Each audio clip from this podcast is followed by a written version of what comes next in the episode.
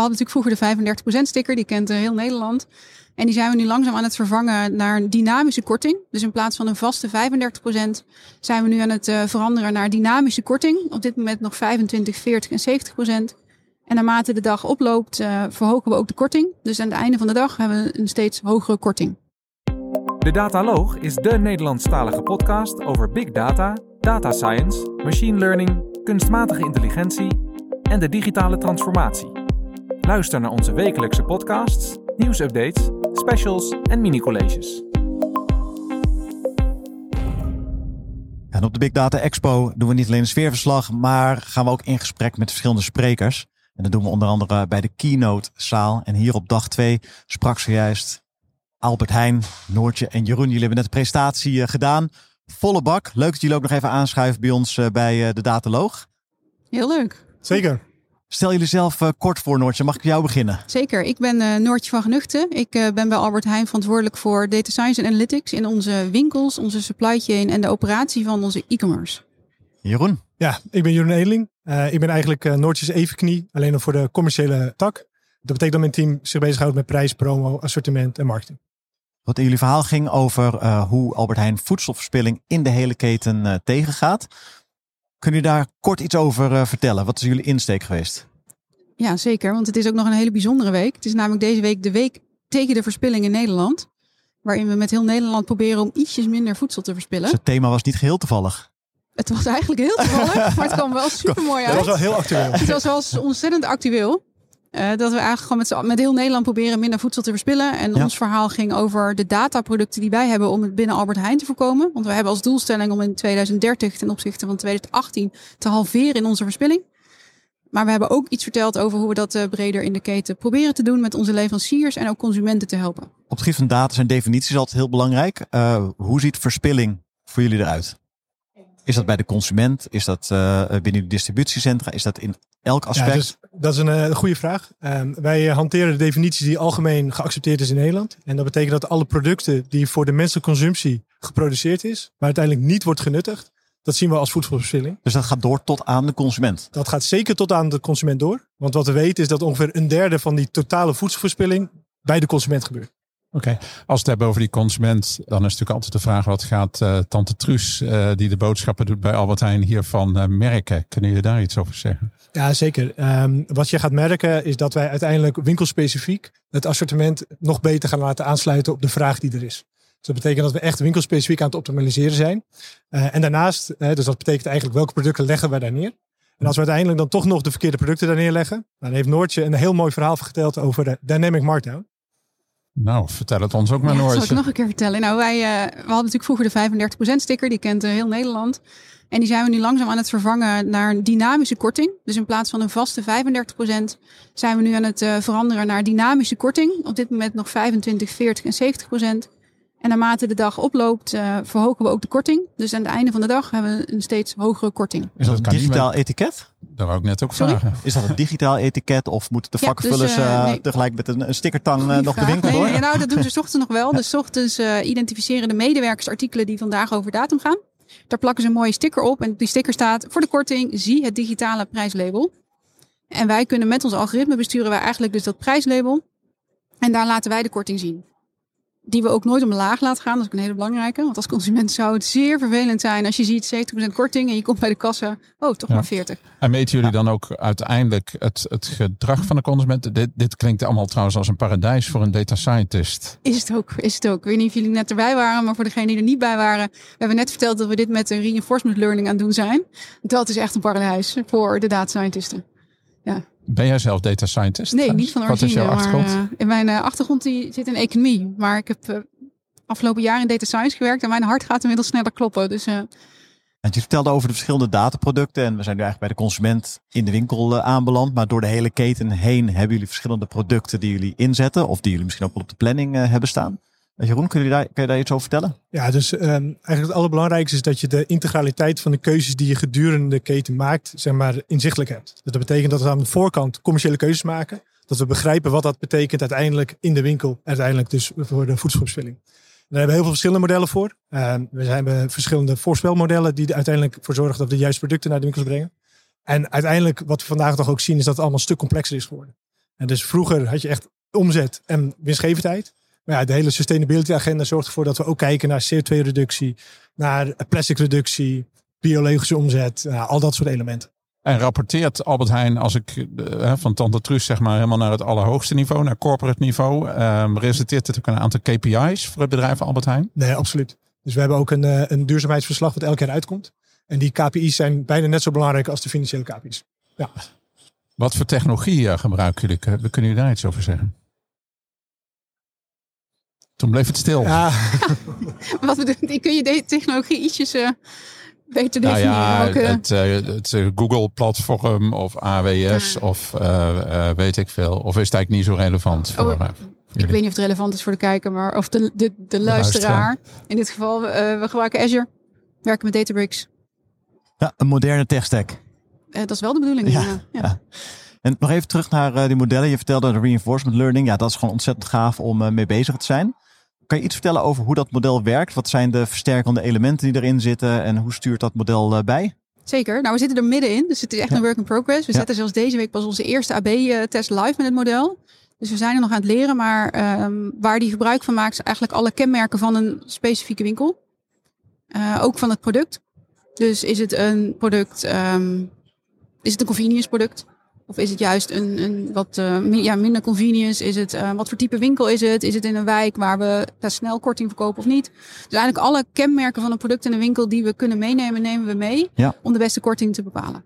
Of gaan we meenemen, want we zijn aan het testen met een hele basisversie nu. Ja. En uiteindelijk gaan we steeds meer meenemen. Ja. En die korting is natuurlijk vooral voor toepassing op perishable producten met een houdbaarheidsdatum. Op dit moment wel, ja. Ja, maar we zijn ook aan het ja. kijken, want het is natuurlijk niet alleen dat we uh, spullen moeten die weggaan met een datum die over datum gaan, maar we veranderen ook wel eens het assortiment. Ja. En dan ja. hebben we ook een mooi seizoensproducten. Seizoensproducten. Dus er zijn ook wel dingen die bijvoorbeeld Sinterklaas. Straks hebben we Sinterklaas gehad en dan hebben we toch nog wel wat pepernoten over. Ja, hoe kunnen we dat nou goed gaan uitverkopen? En misschien moeten we iets eerder al beginnen. Hey, en stel, stel, ik ben leverancier van uh, Albert Heijn. Wat, wat merk ik hiervan? Uh, hoe, hoe word ik meegenomen door Albert Heijn in deze journey? Ja, dus we hebben verschillende type leveranciers. We hebben bepaalde strategische partners, waarin we ook uh, kijken hoe we de reststromen die de producenten daar realiseren, hoe we dat her kunnen, kunnen hergebruiken. Soms ook hoe we de verpakking kunnen aanpassen, zodat we eigenlijk veel beter op de vraag van de consument kunnen insteken. Kan je daar een voorbeeld van geven? Ja, dus Noortje gaf toevallig ook het voorbeeld vandaag. Uh, we hadden in het verleden eigenlijk één grote bloemkool. Mm -hmm. En wat we ook zagen is best wel veel van de bloemkool werd eigenlijk in het verleden weggegooid bij de consument. Nu heb je veel meer verschillende varianten. En we gebruiken ook zeg maar, de restproducten van de bloemkool. We kunnen maken bijvoorbeeld van de producten van de bloemkool die we niet kunnen verkopen, wordt rijst gemaakt.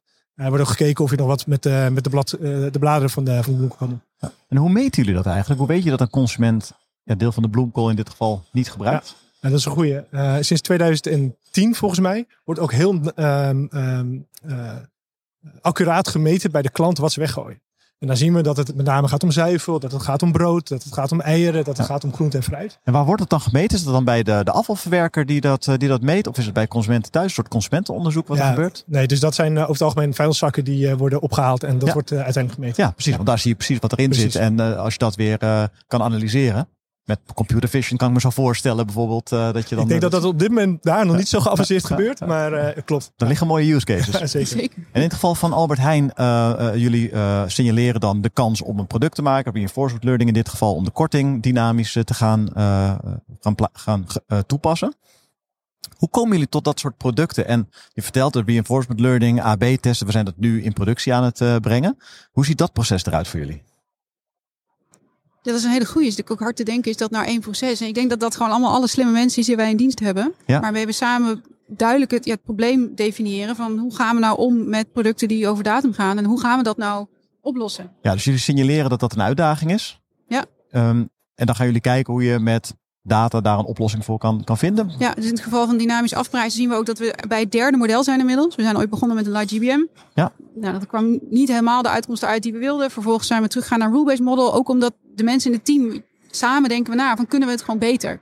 En dat is ook de sfeer die er heel erg is. Ja. Ik denk wel dat het goed is om toe te voegen dat als we voedselverspilling willen tegengaan, dan proberen we dat wel zoveel mogelijk in de keten te doen. Dus een product als dynamisch afprijzen is heel, is heel zichtbaar voor consumenten. Mm -hmm.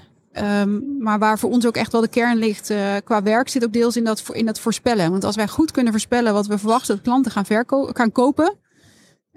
Bijvoorbeeld rekening houden met, met het weer, rekening houden met seizoenen, rekening houden met allerlei andere effecten.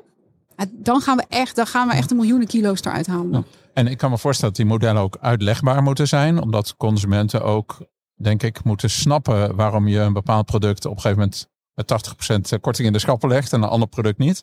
Wat doen jullie daaraan? Wat doen jullie aan communicatie richting de consument?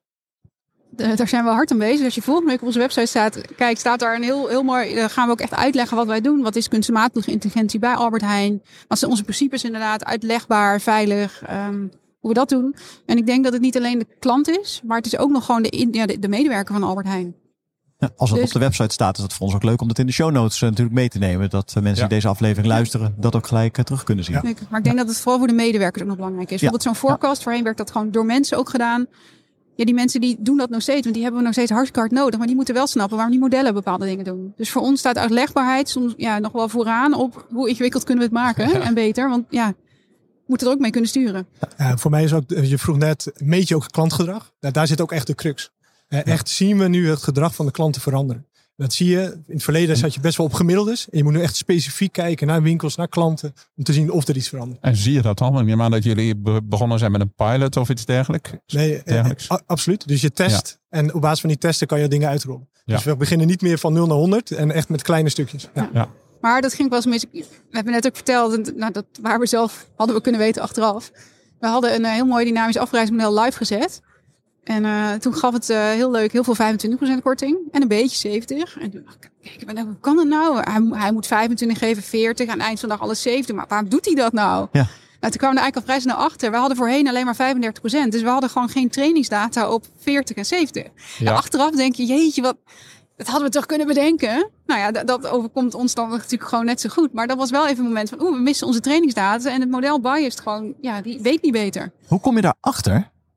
Onze Wie- mensen weer. Ja, we, we zien gewoon onze grafiek en denken, dit kan niet. Ja. Dus ja, dan gaan we gewoon de mensen bij betrekken. Wat, wat is hier aan de hand? Toen waren we er wel vrij snel achter. Ja, dus je moet daar wel vol op blijven zitten en ook blijven kijken. Is dit logisch? dagelijks. Klopt dit? We kijken Ja. iedere dag naar wat onze modellen doen. En is het logisch? Eh, Registreren we alles? Wat geeft, wat doet hij? Dus het, dat is gewoon waar we de dag mee starten. En het voordeel is, we werken natuurlijk in een, in een business waarbij de uitkomsten vaak best wel logisch zouden moeten zijn. Ja. Dus we kunnen ze best wel makkelijk testen. En eh, werken jullie ook samen met mensen vanuit de business die bepaalde domeinkennis hebben? Bijvoorbeeld in, in de winkels of eh, bij het Ja, hoofdkantoor? absoluut. Ve- Wat je ook ziet, hè, veel van de processen worden op dit moment gewoon door die mensen gedaan. Ja. Dus we zijn langzaam die processen ook aan het overnemen of samen aan het verbeteren. Ja. Nou, dat kan niet alleen op basis van de modellen. De modellen zijn over het algemeen in het begin toch niet altijd spot on. En zeker niet voor alle categorieën. Dus je hebt die, die kennis echt nodig. Ja, ik kan me ook voorstellen dat het bijdraagt aan de adoptie uiteindelijk binnen de organisatie. Ja, ja, Ja. absoluut. Ik denk ook dat dat een van de belangrijkste leerpunten voor mij is geweest. Als je iets wil veranderen, ja, dan moet je dat wel vanuit die hele cultural change, mensen meenemen en ook stap voor stap. eh, ja, Ja, samen met eh, ja, de rest van de organisatie eh, producten ontwikkelen. absoluut. Zeker. Heel gaaf verhaal.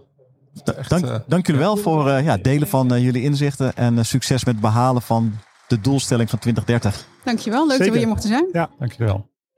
Bedankt voor het luisteren naar deze uitzending van de Dataloog. Vond je onze podcast leuk, goed, interessant of wellicht te veel ene en nullen? Laat een review achter of geef thumbs up. Heb je vragen of opmerkingen? Kijk dan ook eens op www.dedataloog.nl. Hier staan ook de show notes van alle uitzendingen. Je vindt onze nieuwe uitzendingen wekelijks op iTunes, Stitcher, Spotify en alle andere bekende podcastplatforms. Alles wat wij maken doen we onder Creative Commons. Je mag alles hergebruiken voor niet-commerciële doeleinden, zolang je ons als bron maar noemt. Volg ons op Twitter op @dedataloog. Graag tot de volgende keer.